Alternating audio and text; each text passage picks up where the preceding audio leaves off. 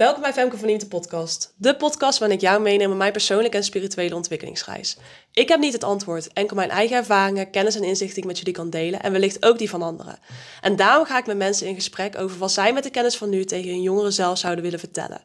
En vandaag heb ik Peter tegenover me zitten. En ik denk dat ik wel kan zeggen dat ik hem de beste acupuncturist van België vind. Peter heeft zijn eigen praktijk en zijn eigen academy waarin hij mensen begeleidt.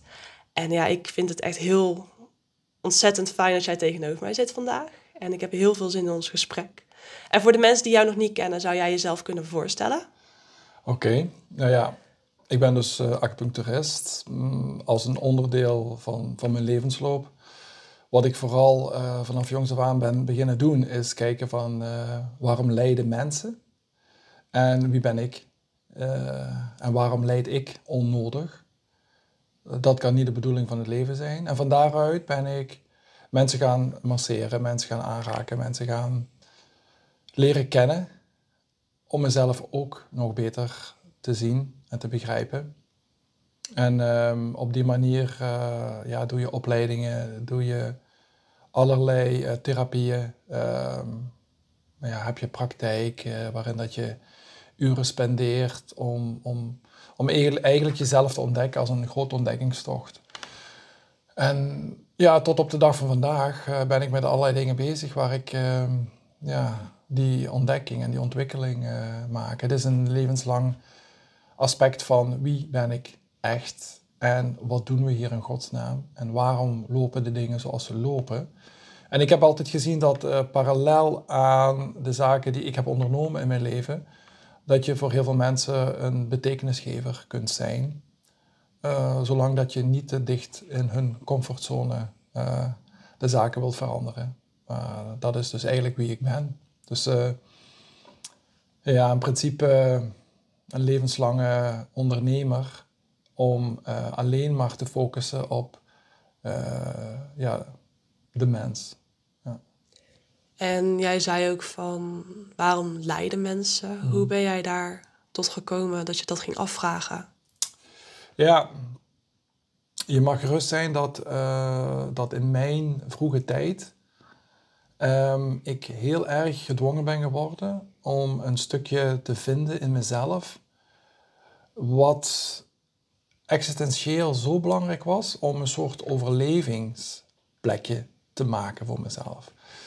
Uh, dan spreek ik over jonge jaren waarin dat, uh, ik een stukje de puurheid uh, voelde van wie ik was. Maar dat ik al heel snel merkte dat mijn omgeving vanuit hele andere aspecten in het leven stonden, mij bekeken, mij opvoeden. Ja? En dat was wel scheurend voor mijn hart. En ik ben al heel snel ehm, op een eiland terechtgekomen waar ik dacht, dit klopt gewoon niet. Er is gewoon geen enkele logistiek die ik voel van binnenuit van wat ik rondom mij zie. Dus ik ben afstand gaan nemen.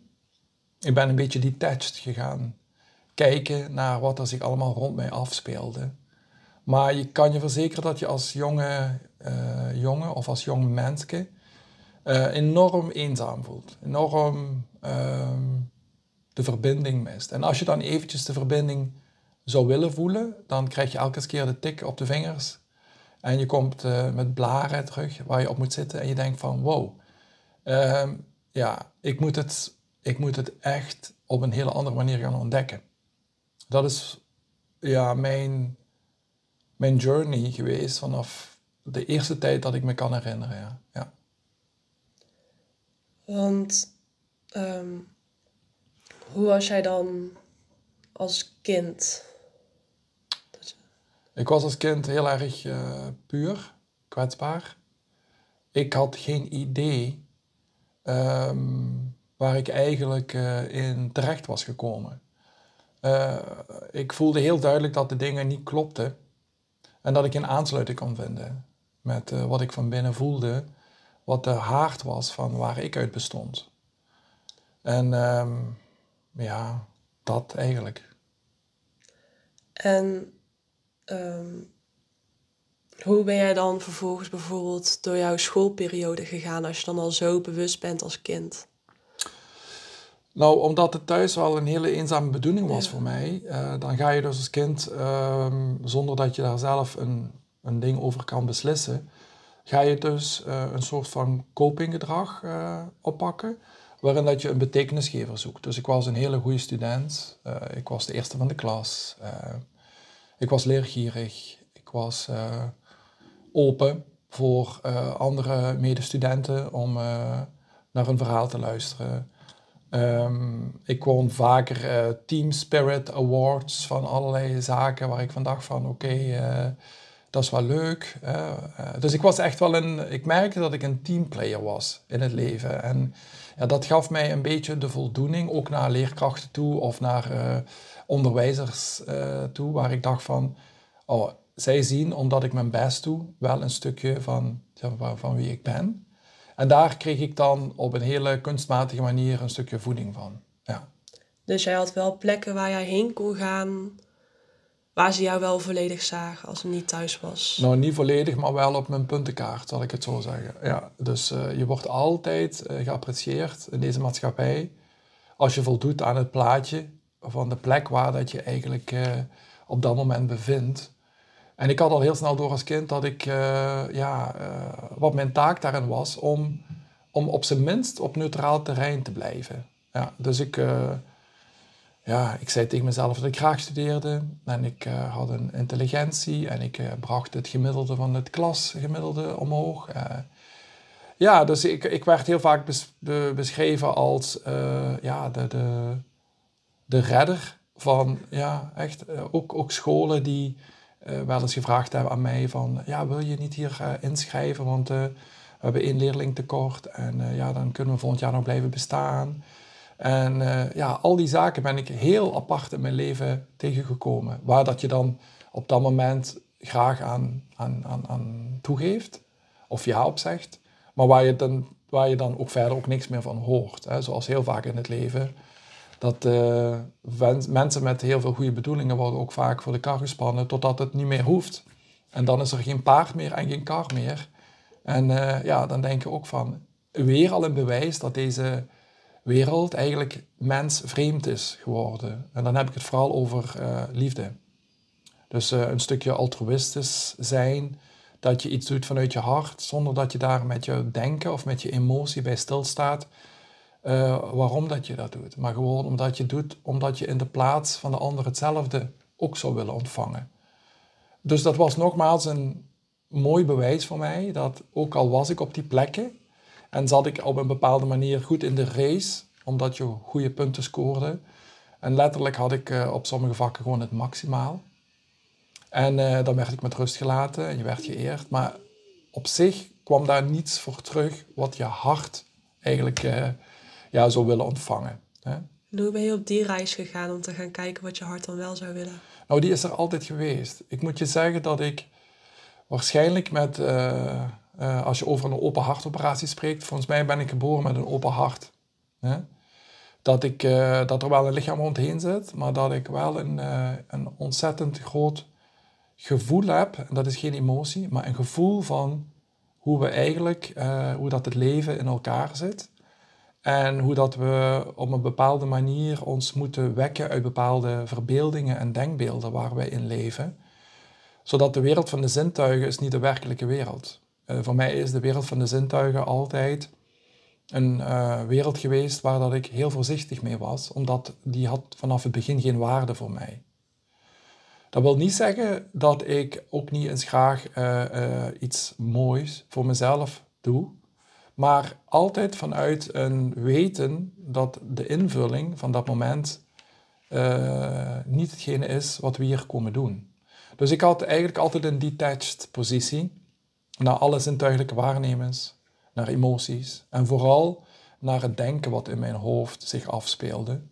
Want ik wist dat een van de grootste demonen in het leven de neuronen zijn die je op allerlei paden meenemen die uh, alleen maar gebaseerd zijn op aannames van uh, opvoeders, uh, van het morfogenetische veld wat je stuurt, um, van, ja, van, van opvoeders die zeggen en onderwijzers en krachten en religie en politiek en, en, en het, het, het, tv Ik heb daar nooit een affiniteit mee gevoeld. Nooit. Never. En daar ben ik heel blij om. Maar ik moet zeggen, het was, het was wel een tough game. Ja. ja. En hoe ben je dan vervolgens een studie gaan kiezen als je het al allemaal doorzag? Want je hebt er een aantal gedaan. Ja, ik heb er een uh, heel pak gedaan. Ehm, maar dat was dan meer uit onwetendheid dat ik eigenlijk studies ben gaan doen. Omdat er toch een bepaald uh, idee van mij was dat als ik me goed zou installeren, dat ik dan uh, mensen zou kunnen ontvangen waar ik een stukje mee kon delen. Wat eigenlijk, uh, ja, wat, wat ik wel zelf niet gemist had, maar waar ik van binnen in mijn hart wist dat een van de bedoelingen van hier is om authentiek te zijn, om terug je essentie te leven. Mm, toen ik, toen ik 17 was, had ik een vriend, die was uh, 37 toen. En dat was eigenlijk een, wel een instant opvoeder. En die man die zei van, ik wil je leren masseren. En die had mij op een paar uren tijd, wat hij kon, overgegeven. En ben ik hem gaan masseren. En hij voelde meteen dat hij in een hele diepe ja, trance kwam, terwijl ik hem masseerde. En voor mij uitte zich dat dat ik, toen ik klaar was, dat ik hem niet wakker kreeg. Hij, hij bleef gewoon slapen. Hij, bleef, hij was helemaal snap weg. Ik, niet. ik heb ervaring ermee. Ik snap niet dat hij kan gaan slapen. Ja, ja. ja, uh, er zijn verschillende soorten van aanpak van mij. Klopt.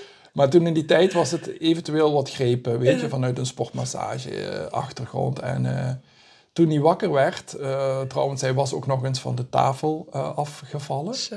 Ja, het was zijn eigen tafel en op een houten vloer. En toen, eh, toen dat gebeurde, mm toen liep ik naar hem toe en hij sliep gewoon door. Dus het was geen slapen, het was echt een, een zoals hij zelf, toen hij dan ontwaakte, zei, het was een diep contact met mezelf wat ik terug voelde.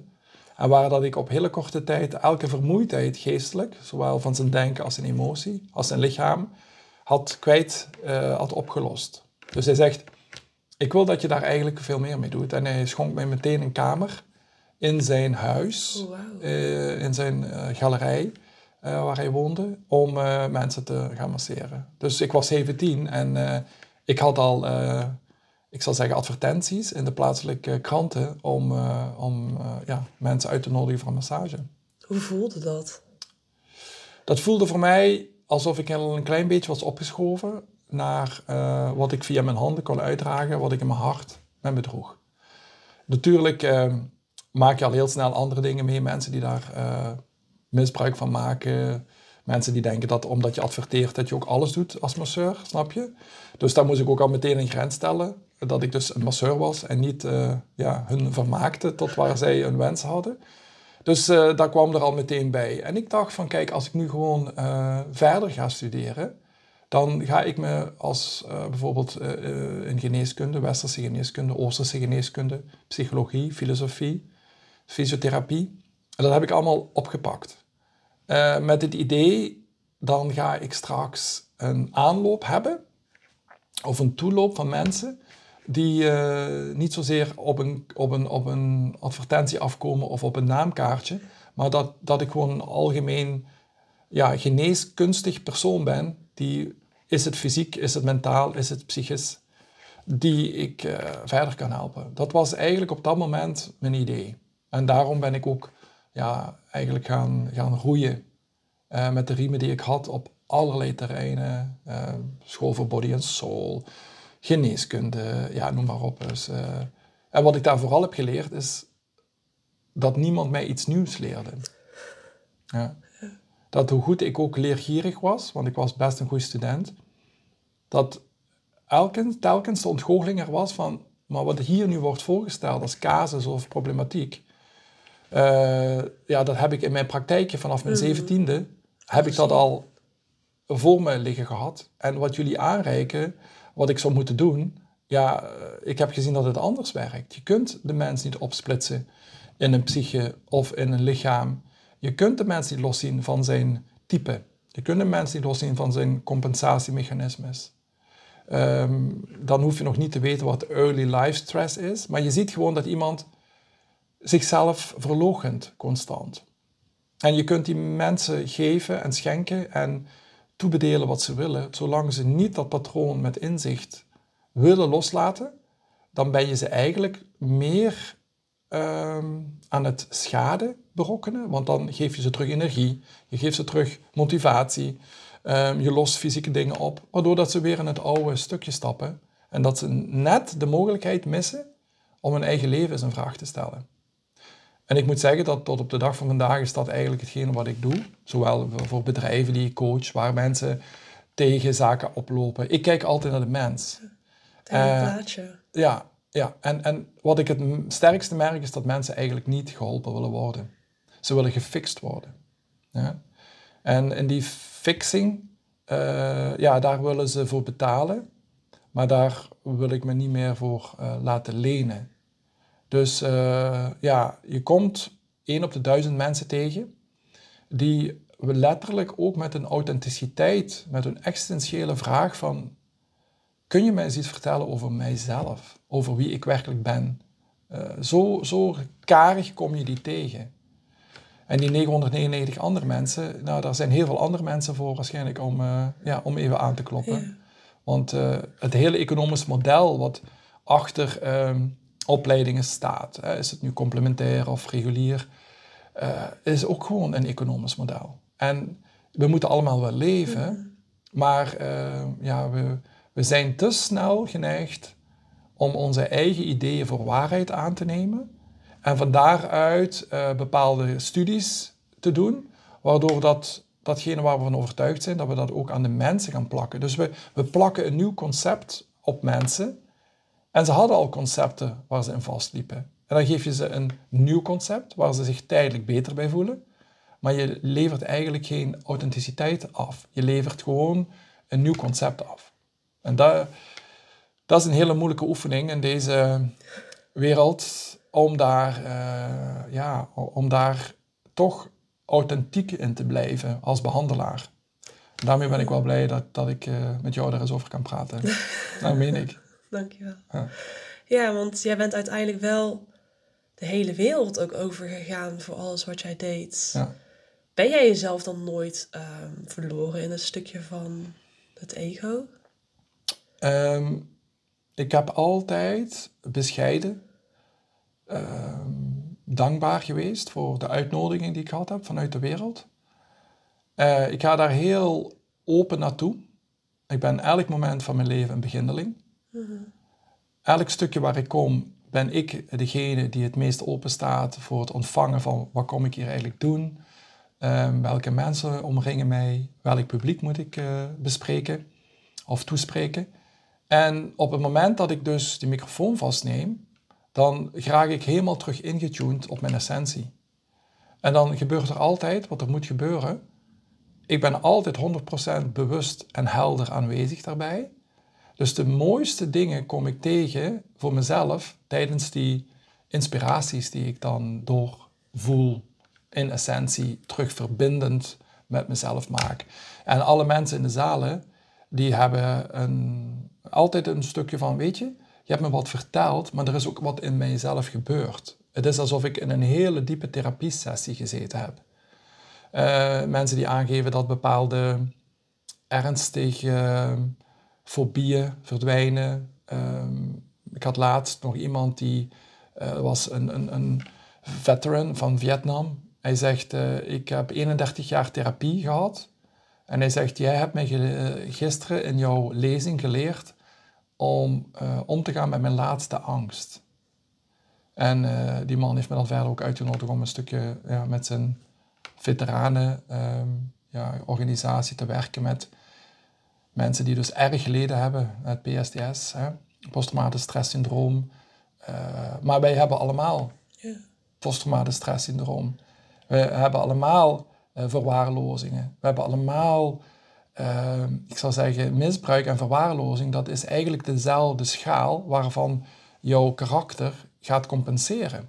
En onwetendheid maakt je ziek. Dus als je jezelf niet kent, ja, dan ga je natuurlijk ook ja, symptomen krijgen. En die symptomen zijn dus super belangrijk om te snappen en niet om te genezen. Nee, je moet ze snappen en dan zijn ze je ook dankbaar. Maar dat, dat kost vaak wat tijd.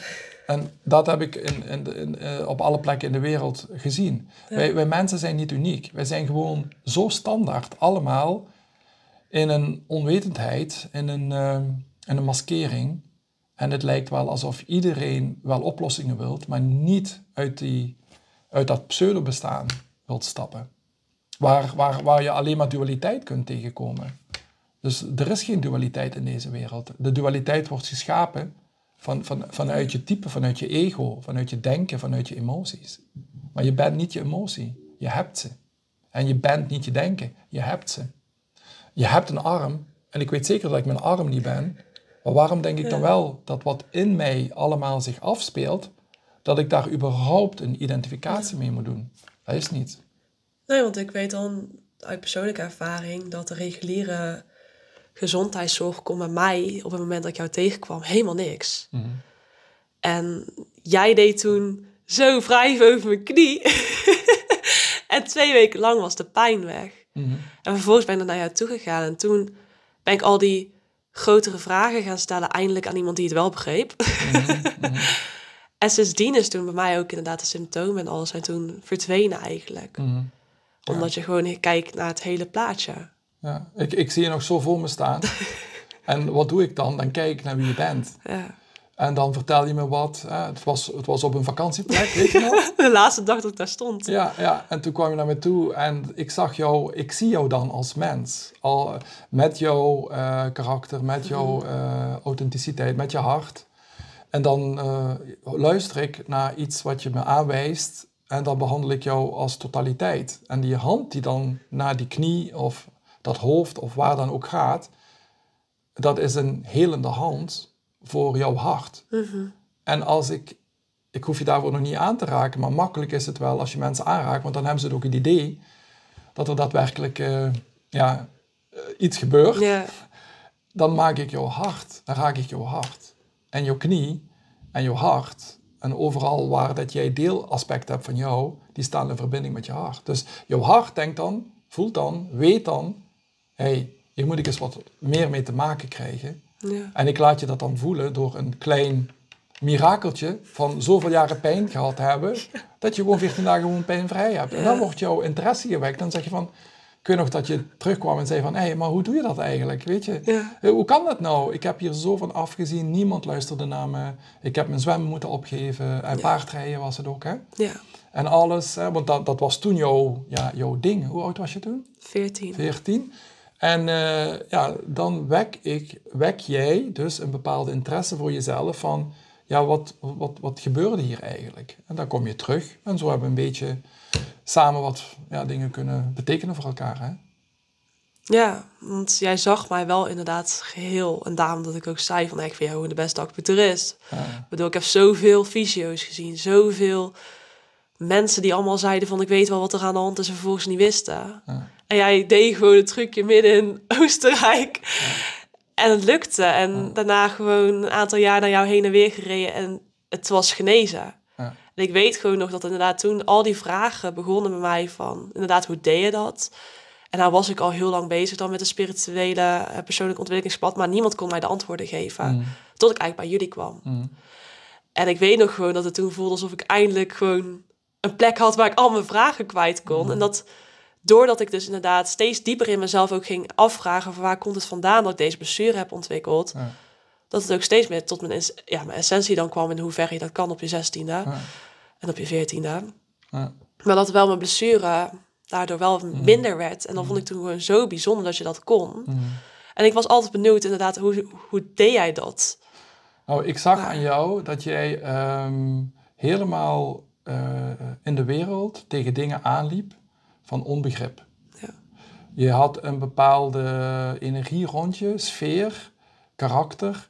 Die, eh, dat, was, dat was niet zomaar inpasbaar in één stuk van de maatschappij. Of in een stuk van een studie. Of een stuk van een ouderschap. Hè? Ja.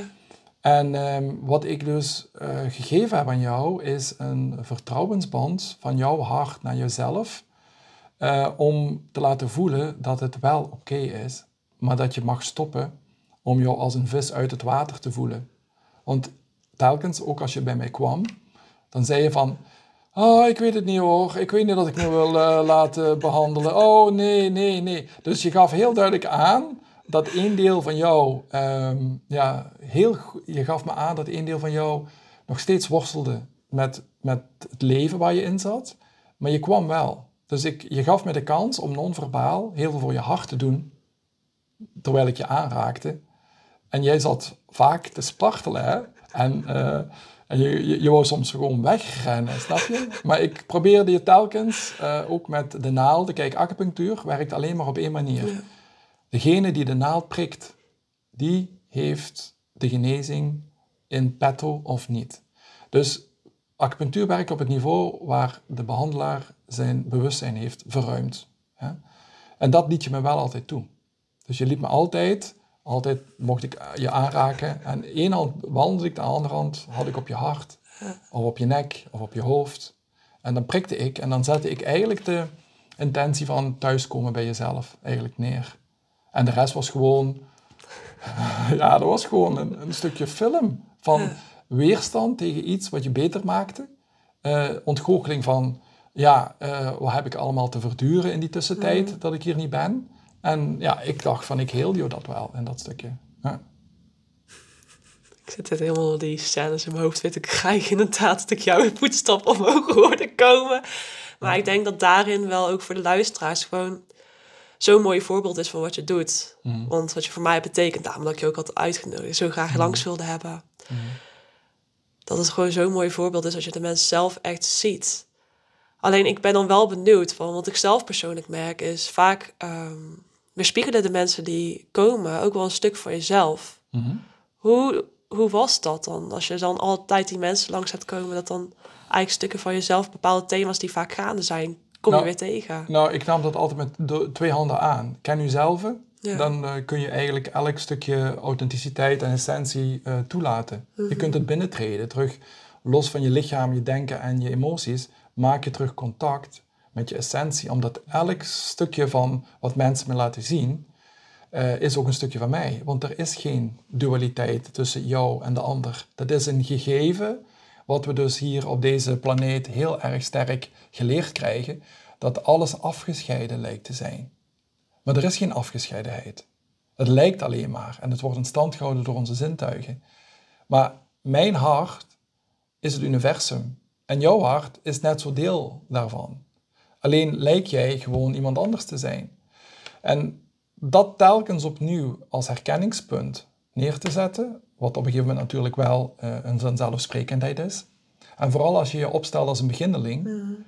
dan zet je en je houdt je constant open voor alle informatie die een persoon bij zich draagt, om daarmee te versmelten. En dan uh, het enige wat je moet bewaken, is dat de persoon tegenover jou niets te maken heeft met mijn stukje van mijn uh, essentie. Uh, maar die persoon komt binnen en die heeft bepaalde vragen. En als behandelaar stem je dan af op dat stukje waar die cliënt of patiënt klaar voor is om te horen. En het fixen van de symptomen, dat geeft vaak een stukje vertrouwen, een vertrouwensband, waardoor ze terugkomen. En dan moet je kijken op welke manier die persoon bereid is om eigenlijk zijn kokon open te breken, om dan uiteindelijk uh, ook zijn catharsis te laten gebeuren van, oh, ik ben helemaal niet wie ik dacht dat ik was. Maar ik moet je zeggen, heel veel mensen uh, haken wel vroeg af. Maar dat is niet erg, want het hoort op deze manier hier ook te zijn, want anders was het anders. Komen ze dan wel later terug? Nou, vaak zie je ze wel terug op een later tijdstip, uh, soms met maanden, jaren ertussen. En dan uh, vertellen ze mij haarfijn wat ze hebben opgepikt tijdens die behandelingen. En dat dat voor hun een, een, een life-changing event was, die behandelingen. En dat ze 100% voldaan waren. En dat geeft ook aan dat iedereen zijn grens heeft in zijn ontwikkeling. Mhm. Niet iedereen hoeft uh, existentiële vragen te stellen in zijn leven. Er zijn heel veel zaken in deze maatschappij die, die gebeuren bijna uh, mechanisch en die moeten ook zo blijven. Dus een, een, een, een totale ontplooiing van iedereen van een bewustzijn, dat is een utopie, zo werkt het niet. Dat is, uh, ja, dat is een, een ja, ik zal zeggen, een spirituele leuze die, zoals heel veel spiritualiteit natuurlijk, uh, ja, lege klanken zijn en geen inhoud hebben. Maar dat, dat hoort ook ergens hier een plekje te hebben. Ja, maar dat is niet uh, waar ik voor sta. Want ze zeggen wel dat het bewustzijn omhoog gaat van de wereld. Nou ja, ze zeggen heel veel. en ook die uitspraak moet je dus zetten bij wat er allemaal gezegd wordt. Ja. En zolang je kan zeggen, men zegt, Ja, zou Heidegger zeggen, het is het men, het Ja. mensdom, ja, zegt heel veel. ja, Maar het gaat vooral rond het herinneren wie je bent. ja, En het gaat vooral om helder te blijven en je niet laten mee te sleuren in allerlei maatschappelijke uitdagingen, zoals economische modellen, eh, compensatiemechanismen om je minderwaardigheid te compenseren met werk, met eh, opvoeding, met je rol die je hebt aangenomen. We, we hebben allemaal rollen en wij identificeren ons zo sterk dat we als een soort hypnose meehollen met zaken waar we niet weten dat we ons compleet afhankelijk gemaakt hebben. En we moeten niet strijden tegen die afhankelijkheid, maar we moeten ze wel zien.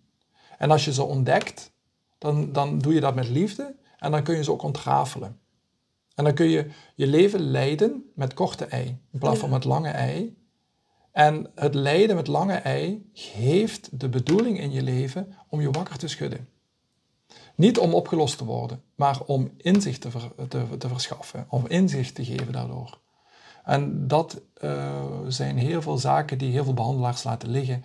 En dat is ook logisch, omdat je moet dat zelf voorgegaan zijn. Want anders heb je een diploma of een certificaat en dan doe je dat heel goed in de praktijk brengen. En eh that's it. En dan doe je dus heel veel goede dingen. Maar ja, dat is niet de manier waarop ik naar de mogelijkheden kijk en wat ik voel die er zijn. En hoe doe jij dit ehm, als vader nu bij je dochter? Dit allemaal meegeven? Ja, het is een opdracht, ja, omdat ehm, elk individu ja, heeft, zijn, heeft zijn eigen vorming, heeft zijn eigen karakter, heeft zijn eigen type. Dus hoe meer dat je ziet dat iemand, eh, en vooral in bepaalde leeftijden waar hormonen een rol spelen, hè, en waar eh, persoonlijkheidsontwikkeling zijn plek heeft. Hè. Dus in, in jonge jaren is het goed om een persoonlijkheid op te bouwen, om daarna de persoonlijkheid te gaan ontmaskeren. Dus hier, af en toe geef ik al een stipje van de sluier om te laten zien van kijk, dit is hoe jij het bekijkt. Zou je eens willen luisteren naar hoe je er nog anders naar kunt kijken? En als er dan weerstand op is of niet, ik weet dat dat een zaadje is wat geplant wordt, waar dat op een gegeven moment, net zoals alle andere mensen, ook je kinderen, op een gegeven moment een vraag kunnen stellen na jaren en zeggen van, weet je, je hebt me toen eens iets verteld en toen eh, vond ik dat een heel vreemd verhaal of ik heb er toen tegen gestreden of ik vond het helemaal niet leuk. Maar ja, wil je me daar nog eens even iets over vertellen? Want ik denk dat ik dit stukje nu wel ja, of nodig heb of beter begrijp. Dus het is eigenlijk liefde meegeven en niet alleen maar houden van. Dus de hiërarchie tussen weten wat goed is voor je kinderen en toch je kinderen, ehm, ik zou zeggen, loslaten, dat is een, dat is een evenwichtsoefening. En, maar ze geven zelf wel aan wanneer dat je iets te veel input geeft. Ja? En dan moet je ook weer, zoals met alles in het leven, gewoon een stukje detached zijn. Dat is liefde. Liefde is loslaten. Liefde is ja, de band eh, tot dat niveau laten evolueren waar dat er eh, weer een stukje ontmoeting kan zijn. Dus dat is, ja, dat is eigenlijk zoals met iedereen in het leven. Hm. En ehm, ja, hoe reageert ze erop? Zeg maar, heeft ze al bepaalde vragen teruggesteld die jij dan een tijd geleden hebt gedaan? Want ik herinner haar nog als een heel slim meisje. Ja, ja, ja.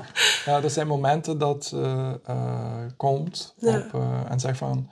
Kijk, eh, ik had toen wel wat weerstand tegen jou en er was iets heel sterks in mij van binnen. Maar nu begrijp ik des te meer wat je bedoelde. Ja. En eh, ja, op, op, op, op verjaardagen of op eh, momenten dat er eens een kaartje wordt geschreven, schrijft ze wel van nou, eh, hartelijk dank voor jouw specifieke manier om eh, mij eh, te benaderen. Want ik heb er heel veel aan. Onthoud dat. Ook al lijkt het soms heel anders hoe ik reageer. Nou, Ja. wat lief. dat is echt een heel groot compliment. Ja, ja. En dan, En dan knipogen we naar elkaar. En dan eh, pak ik haar eens goed vast. En dan zeg ik van, eh, fijn dat je me even laat weten. Eh, we gaan gewoon verder zoals we bezig zijn. En eh, ja, dank je voor je stukje feedback. Hè. Ja.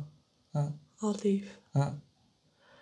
En dan even terugkomend op je praktijk. Mm. Uiteindelijk heb je ook een aantal mensen in dienst gehad. Mhm. Hoe was dat? Want dat is natuurlijk ook heel anders. ja. Dan ben je ineens een baas van iemand. Nou, mm, ja. ja, ik weet wat je bedoelt. Ja. Het meeste wat ik eh, terugkrijg eh, van mensen die langere tijd ook gewerkt hebben bij me, die zeggen van, ik heb nooit zoveel vrijheid ervaren als bij jou.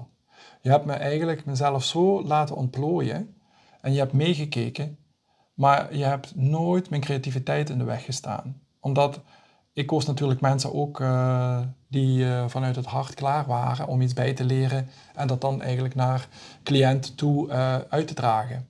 En ik heb dat eh, waargenomen. Ik heb dat gadegeslaan. En ik voelde daar waar ze zelf een beetje eh, vragen hadden of, of onzeker werden, dan liet ik dat op andere momenten. Had ik dan in een teamvergadering daar wat besprekingen over. Of eh, ze kwamen zelf met wat persoonlijke issues in hun leven.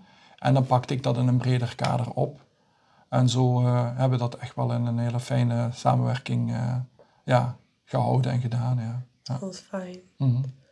En jij bent nou natuurlijk bezig eigenlijk met een hele andere richting op te gaan. Hoe is dat nu? Nou, weet je, eh, alle richtingen zijn welkom, hè? Ja. Want eh, beschikbaar zijn voor het leven is een hele grote eigenschap. Ehm, niet eh, denken dat je weet wat het beste voor je is en niet in verbeelding gaan. En zeker niet denken dat je al kan creëren. Want dat is ook iets wat, heel, wat je heel vaak hoort als kreet. Het is eerder het overgeven aan datgene wat dat het leven in wijsheid weet, waar dat je een schakel in mag betekenen.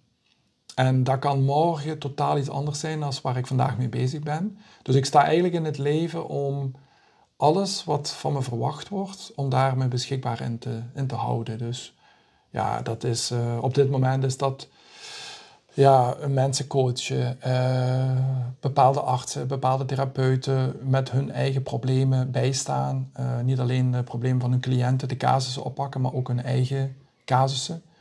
En vooral in het buitenland vind ik het wel heel interessant, omdat je dan ook weer andere energieën voelt in verschillende continenten. Hoe dat je eh, andere ingangen krijgt aangeboden als hier in België, Nederland of Duitsland of zo. Dus daar, daar is wel, eh, ja, dat is wel een mooie, ja, een, een, een mooie onderneming op het moment. Ja. En wanneer is dan, eh, want je geeft ook trainingen in, in Neagram, wanneer is Ja. dat op je pad gekomen? Nou, Enneagram eh, is op mijn pad gekomen toen ik eh, samen met mijn zeer gewaardeerde collega Arnoud van Oosten, psychiater, helaas twee jaar geleden overleden. ehm, hij had mij gekozen als medewerker in zijn praktijk omdat hij zag dat ik eh, psychische en psychiatrische problemen met acupunctuur heel goed kon begeleiden. En hij heeft me de, de kans gegeven om, ik zou zeggen, eh, met een bepaalde genezingscapaciteit, toen al eh, vooraan in de twintig, om in zijn privékliniek met psychiatrische patiënten de gesprekken te voeren, de inzichten te geven. En dan merk je dat, eh, dat de crisissen vaak mogelijkheden zijn om mensen on- van onwetendheid naar, naar inzicht te brengen. En toen eh, zei je op een gegeven moment tegen mij: Kijk eens, ik heb hier een model. En wat vind je daarvan? En eh, ik weet nog dat ik naast hem op zijn bureau ging staan en ik zei: Ja. Ik had toen al een model wat ik nu nog steeds bij bedraag, namelijk wie ben ik werkelijk? Het is het afleren van alles wie we niet zijn. En eh, dus, dus het ontleden van de karakter en, je, en, en, en eh, zien waar je liegt tegen jezelf en jezelf verloochent. Met het enneagram heb ik ontdekt dat eh, je mensen uit een hokje kunt coachen door een stukje zelfkennis over wie ze niet zijn, maar wat ze wel hebben. En ik vind geen model beter, en ik heb er heel wat bekeken, als het enneagram. Omdat dat eindeloos ook de weerspiegeling is van eh, tot essentie ontwikkelen. Door jezelf te ontdekken en weten wie je niet bent. Door mensen heel veel eh, informatie te geven over welk type ze zijn. Waar dat ze naar stress naar gaan, wanneer in ontspanning, eh, welke ehm, ja, zuchten, welke verslavingen aan elk type hangt. En ze herkennen het allemaal. Op elk continent zie ik dezelfde types voor me. Ik weet exact wat hun vragen zijn. Ik weet ook exact wat hun, wat hun kan uh, ja, uh, verlossen. En op het moment dat je dat begint te vertellen, dan geef je die mensen heel veel vertrouwen. Want ze hebben het gevoel, hier zit iemand voor me die meer over mij weet als ik over mezelf.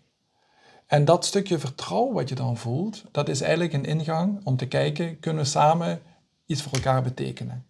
En daar ben ik het uh, enneagram van, van wat de oorsprong een symbool is. Hè. Dus niet zoals de enneagrammologen het gebruiken, is het maar een concept.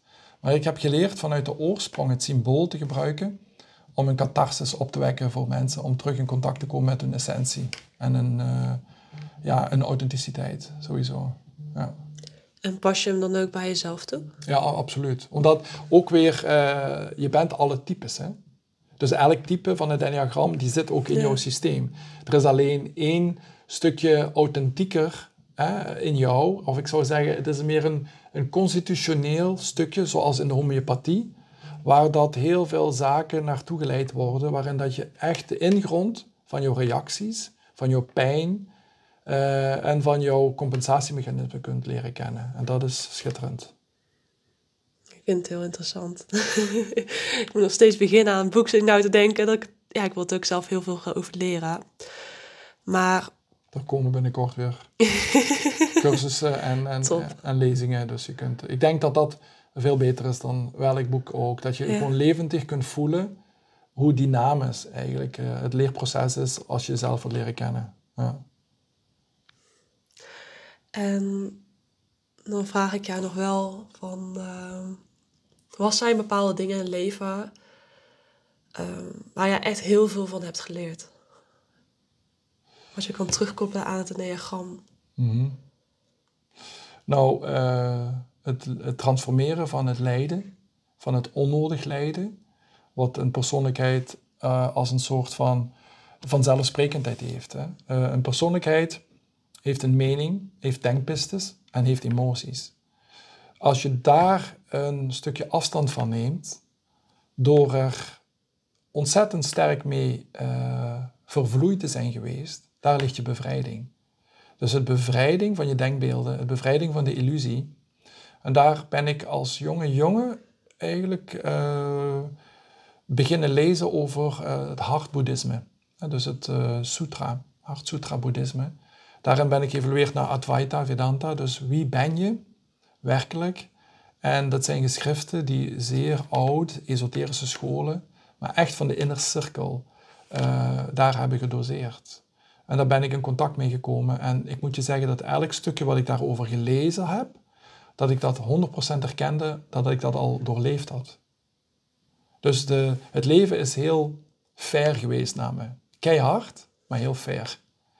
Um, ik ben echt, uh, ik zou zo zeggen, geboren om een stukje catharsis te ontdekken, om me te bevrijden van alle illusionaire denkbeelden. En daar, daar, dat was mijn belangrijkste ja, tool. Geen boek, geen, geen situaties, maar gewoon telkens opnieuw jezelf afvragen: hey, hoe komt dat dat dit nu zo voelbaar is voor mij? Dat is omdat ik het toelaat. Is er een manier om dit gewoon tot ergens te laten komen, zodat ik er kan blijven naar kijken, zonder dat ik het gewoon ervaar, zonder dat het door me heen gaat. dat is de grootste leerschool. Gewoon eigenlijk alles gewoon laten doorstromen, zonder eigenlijk een waarde aan te geven dan. Ja, gewoon een detached zijn. Dus alles, je weet dat um, je zintuigen, je lichaam, je denken en je emotie, dat dat het nep bestaan is, mhm. naast je essentie. Maar dat is ook essentie. Dus je kunt geen dualiteit daarin zien. Dus essentie creëert ook nep.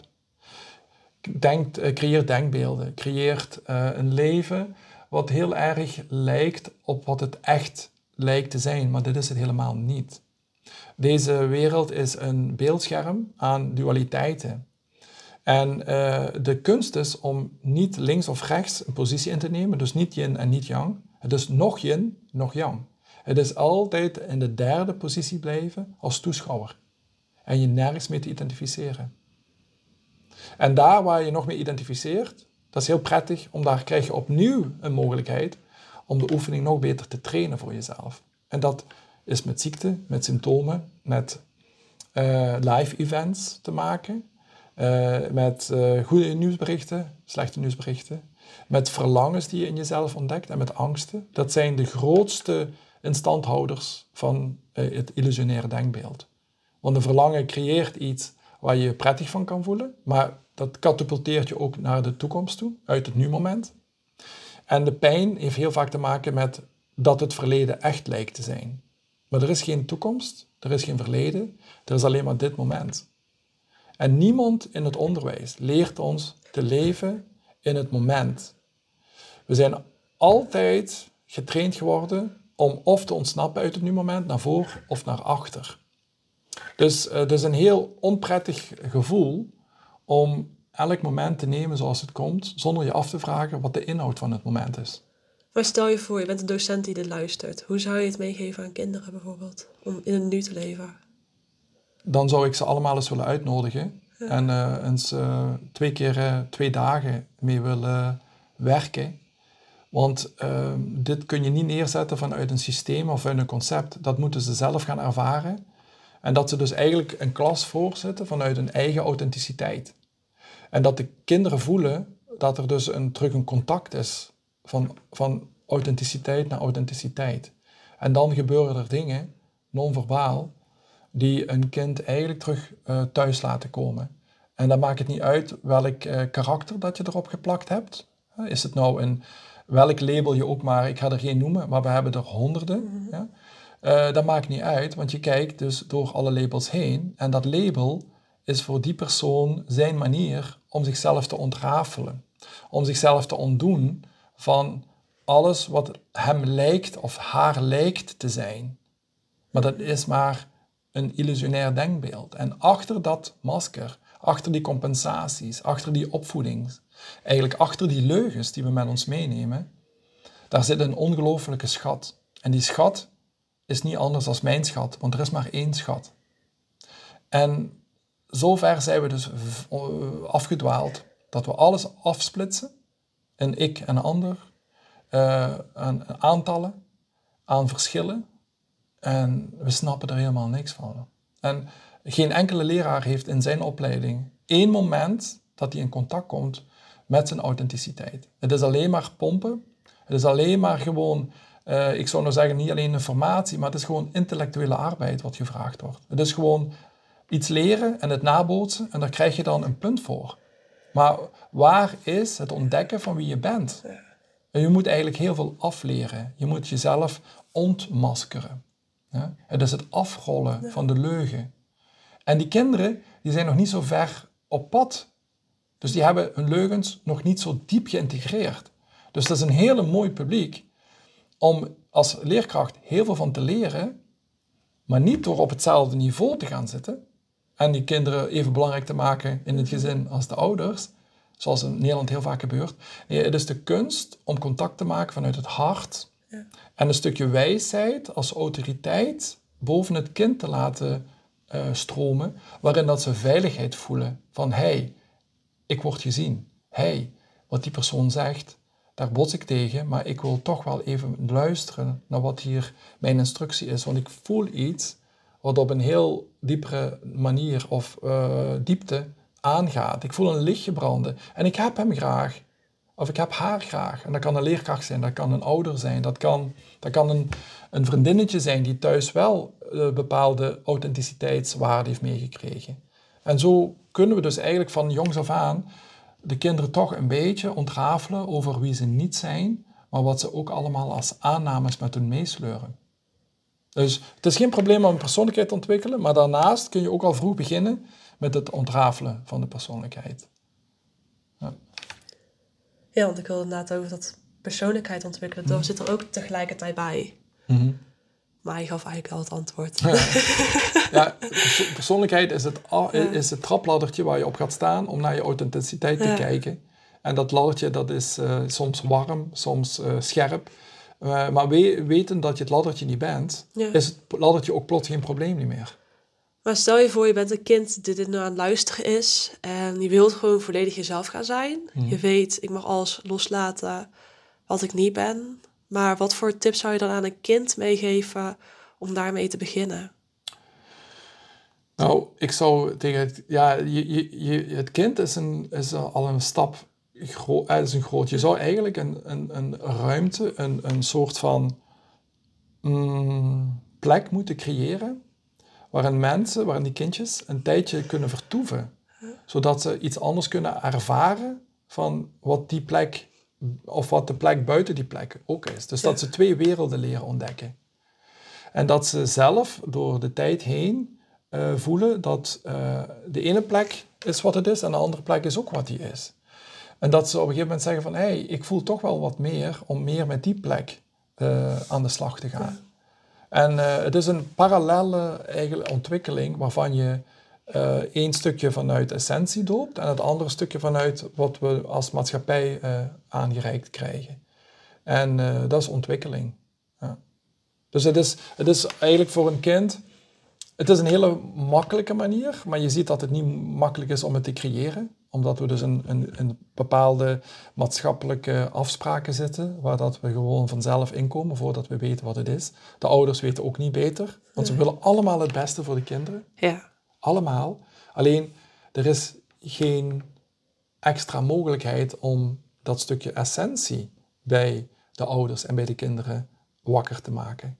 Kijk, en zolang de ouders niet uh, diep geraakt zijn over hun, hun hartenergie, ja, dan kunnen ze die keuze ook niet voor die kinderen zo maken. Als er dan bepaalde plekken zijn waar kinderen naartoe moeten, maar er is ook een deel van het onderwijs, van de uren, waar kinderen kans krijgen om een stukje terug in liefde, eigen liefde terecht te komen. Dat ze dus kunnen uh, zien dat hun gedrag dat dat niet is wie ze zijn. En dat ze er wel uh, uh, door op de vingers getikt worden. Maar dat we dus kunnen uitleggen wat de, de diepere waarde is van het gedrag en wat daar nog achter zit. Ja, dat, dat, is, een, uh, dat, is, dat is iets wat in, in, in onze tijd nog helemaal ja, in, zijn, in zijn kinderschoenen staat. Ja. ja. mag wel meer komen. Ik zit erover ja. na te denken. Ik zou dat inderdaad als kind zelf vroeger denk ik wel heel fijn gevonden hebben, zo'n plek. Mm. Ja.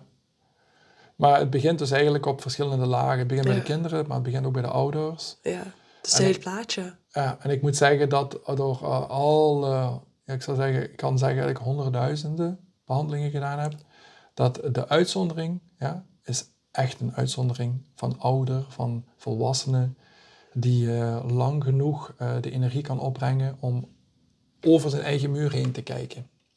Dat is echt ongelooflijk karig hoeveel mensen echt dit stukje aan willen gaan.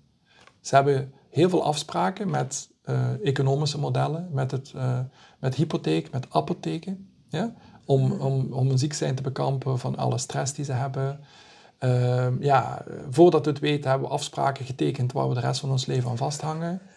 En om dat terug te schroeven, ja, daar komt een heel pak moed bij kijken. Lef. Maar eigenlijk is het maar puur emotie. Het is afstand nemen van datgene wat je eigenlijk niet nodig hebt, maar het biedt je wel veiligheid. En het, heeft je ook, ja, het, het, het biedt je ook een soort van vertrouwen. Maar dat is niet het vertrouwen waar wij over spreken. Vertrouwen op het gebied van essentie is beschikbaarheid. En inspanning doen om het leven te ontmaskeren. En je te ontdoen van dingen waar dat je eigenlijk uh, een half leven lang moet aan voldoen, terwijl je, als je naar je hart luistert, zegt van, ik zou meer vrije tijd willen. Ik zou meer tijd willen doorbrengen met mensen waar ik van hou. Ik zou me niet meer willen engageren met alles waar ik een dag mee moet bezig mm. zijn. Maar mensen halen daar ook een soort prestige uit. Mensen, mensen halen daar een stuk uh, uh, eigenwaarde uit. En dat houdt dat ook allemaal in stand. En dat uh, loslaten, ja, dat vraagt wel wat hoor. Ja, dat is uit je comfortzone gaan. Gigantisch uit je comfort, telkens weer. En je moet je inbeelden, al die mensen krijgen symptomen, eh, psychosomatische, psychische symptomen. Zelfs die symptomen zijn niet sterk genoeg. Het zijn fantomen en dan geen symptomen meer. Om eigenlijk uh, de rem even op te trekken en te zeggen van, waar zijn we in godsnaam mee bezig? Waar zijn we in godsnaam mee bezig? En voordat je het weet, als je het doet, heb je misschien een partner die zegt van, wat vraag jij je nou af? Je zou toch voor ons zorgen? Je moet je helemaal niet druk maken. Ben je depressief aan het worden of zo? Heb je, heb je geen levenslust meer? En voordat je het weet, doe je voor het houden van, pak je bij elkaar en je gaat weer het volgende moment weer door. Want je moet je weten dat het informatieveld wat rond je hangt en in je zit, is geen informatieveld wat je laat ontwikkelen. Het is een informatieveld wat zegt, doe maar gewoon door zoals je bezig bent. En is dan niet dat vaak heel veel mensen dan dezelfde cirkel rond en rond en rond blijven lopen tot ze een keertje tegen een muur aanlopen en dat ze dan denk ik moeten doorheen? Nou, als die muur opdaagt, dan zijn we vaak ook uh, weer uh, inventief genoeg om toch weer uh, een ladder in te huren. Of om, weet je, de pijn te verzachten. Eigenlijk is de eerste taak van een hulpverlener is eigenlijk om de confrontatie met iets wat een cliënt tegenkomt, om dat of te versterken nog, zodat er echt een, een, een soort van nulpunt komt in iemands leven en zegt van, je zit op een kruispunt. Ja. En je bent hier al eens acht jaar geleden nog eens voorbij gekomen en toen twaalf jaar geleden nog eens. En, en wat ga je nu doen met dit choice point? Ga je, ga je weer terug? En dan moet je weten dat je voor een hele tijd weer uh, in die trein zit. Die trein die stopt niet wanneer jij wilt. Er zijn bepaalde mogelijkheden in iemands leven en die mogelijkheden die pak je. En pak je ze niet, dan ben je weer weg voor een hele tijd. En dat, dat, wij, wij hebben als mens de arrogantie om te denken, ik kan mijn leven op elk moment gewoon een andere richting laten uitgaan. Maar dat is helemaal niet zo. En daar zorgt eigenlijk de beïnvloeding van, van buitenuit op ons systeem voor. En dat is niet fair, maar het is wel echt zoals het is. Ja, soms heb je ook zo'n gevoel van je wilt een deep dive gaan maken. En dan heb je A en B. Maar ja, B weet je totaal niet wat de uitkomst gaat zijn. Maar je weet wel, A gaat me precies hetzelfde rondje weer gaan doen. Ja. Hoe moeten mensen dan toch dan de... Nou, als ik over het enneagram praat, dan leg ik dat ook uit, hoe dat in dat symbool, dat er een wetmatigheid zit, waarop dat mensen alleen maar transleren, maar niet transformeren. Maar de meeste mensen vinden transleren al heel fijn en spannend. En uh, ja, ze trekken gewoon een uh, ander kleur jasje aan. Maar uh, ja, ze nemen zichzelf met alle toeters en bellen mee. Ik had laatst nog iemand die zei, weet je, Peter, toen ging ik op wereldreis. En na drie weken kwam ik er eigenlijk achter dat ik mijn ellendige ik gewoon had meegenomen. Dus de desillusie van die volgende negen maanden die ik nog moest doen, die was zo groot. Ik heb zo geleden. Ik heb zo een, een, een crisis gehad. En ik, dat ik er nog steeds in zit. En dat ik nu ook uh, de utopie van reizen en andere ervaringen opdoen, dat ik mezelf niks moet wijsmaken. Ik moet eigenlijk ergens anders een ingang vinden om mij te ontmantelen van wat ik met me meedraag. Zou je mijn patroon kunnen ontrafelen? Ja, dan uh, gebruik ik dat, doe, dat doe ik graag. Ja. ja. En dat is natuurlijk weer gelukt, denk ik. Ja, uh, ja, ja, ja, ja. het is een, het is een, uh, ja, een wandeling die je samen maakt, waarin, dat je, ja, waarin dat je laat voelen vanuit een vertrouwensbasis wat de mogelijkheden zijn. Als je uit je nep persoonlijkheid durft stappen. Zonder dat je moet veranderen. De grootste, de grootste opluchting is, je moet niks veranderen in het leven. Je moet alleen maar detached zijn. Je moet alleen maar de differentiatie nemen tussen uh, ik ben niet wat ik denk dat ik ben en wat ik voel. En ik ben ook niet mijn lichaam. En dan is er alweer een ander vraagje, maar wie ben ik dan wel? Dat is weer een vraag van je brein. En daar moet je heel eventjes vertrouwen in opbouwen. Geef me heel even de tijd Geloof me even. Voel dat ik vertrouwen in je kan wekken. En dan kun je zien dat dat vertrouwen eigenlijk jij bent. Ik ben alleen maar een, een spiegel van. Ik, ik, ik ben gewoon op die plaatsen geweest waar de meeste mensen tegenaan lopen. En dat, dat is hetgene waar, waar ik ja, dag en nacht uh, uitstraal, wat ik ook dag en nacht met me meedraag. Dus dat maakt ook uit dat sommige mensen heel snel hun rug keren naar mij. Of dat heel veel mensen me. Uh, ik maar zeggen, ze voelen het dan niet rechtstreeks en ze spreken niet uit, maar dat ik bedreigend ben. Omdat ze voelen op een bepaald niveau dat ik door hun maskeringen zie wie ze werkelijk zijn. En eigenlijk is dat heel mooi, maar ze vinden het soms ook akelig.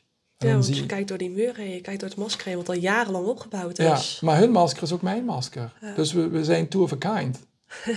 maar dat is vaak hoe mensen dan daarop reageren. En ja, oké, dat is prima. Dat is ook prima. Ja, en ik denk dat uh, uiteindelijk gaan ze het wel inzien, hoop ik. En anders is het ook goed als het niet is. Het is altijd goed. Het is altijd goed, inderdaad. Want we kijken alleen maar naar, we kijken alleen maar naar schermen, ja, waar dat het leven lijkt te zijn wat het is, maar het is het helemaal niet. Dus wat op het scherm gebeurt, ja, dat is eigenlijk maar een illusionair denkbeeld. Ja. En elke keer als je er naar kijkt en er valt iets tegen, dan krijg je weer de mogelijkheid om je te herinneren, ja, maar dit is toch gewoon eh, niet de bedoeling. Ah ja, klopt. Dank je voor dit shockje. Dank je om me even te laten voelen dat ik weer even geïdentificeerd was met wat ik dacht dat belangrijk zou zijn in mijn leven. Wat ik dacht dat waarde had. Nee, en dan schuif je weer heel dicht naar jezelf. En wie is jezelf? Dat ben jij ook. En dat straal je uit in het veld. En dat maakt eigenlijk genezing. Dat is genezing. Ja, ik kan echt nog uren praten. Maar ik denk dat we al heel lang aan het praten zijn. ik eh, wil jij de laatste vraag gaan stellen. Mhm. Wat zou jij met de kennis van nu meegeven aan jouw jongeren zelf? Wat zou ik met de kennis van nu meegeven aan mijn jongeren zelf? Vertrouwen. Wat ik toen wel voelde, maar dat was wel een pittige periode die vaak overstelpt werd met gebeurtenissen die sneden als een zwaard.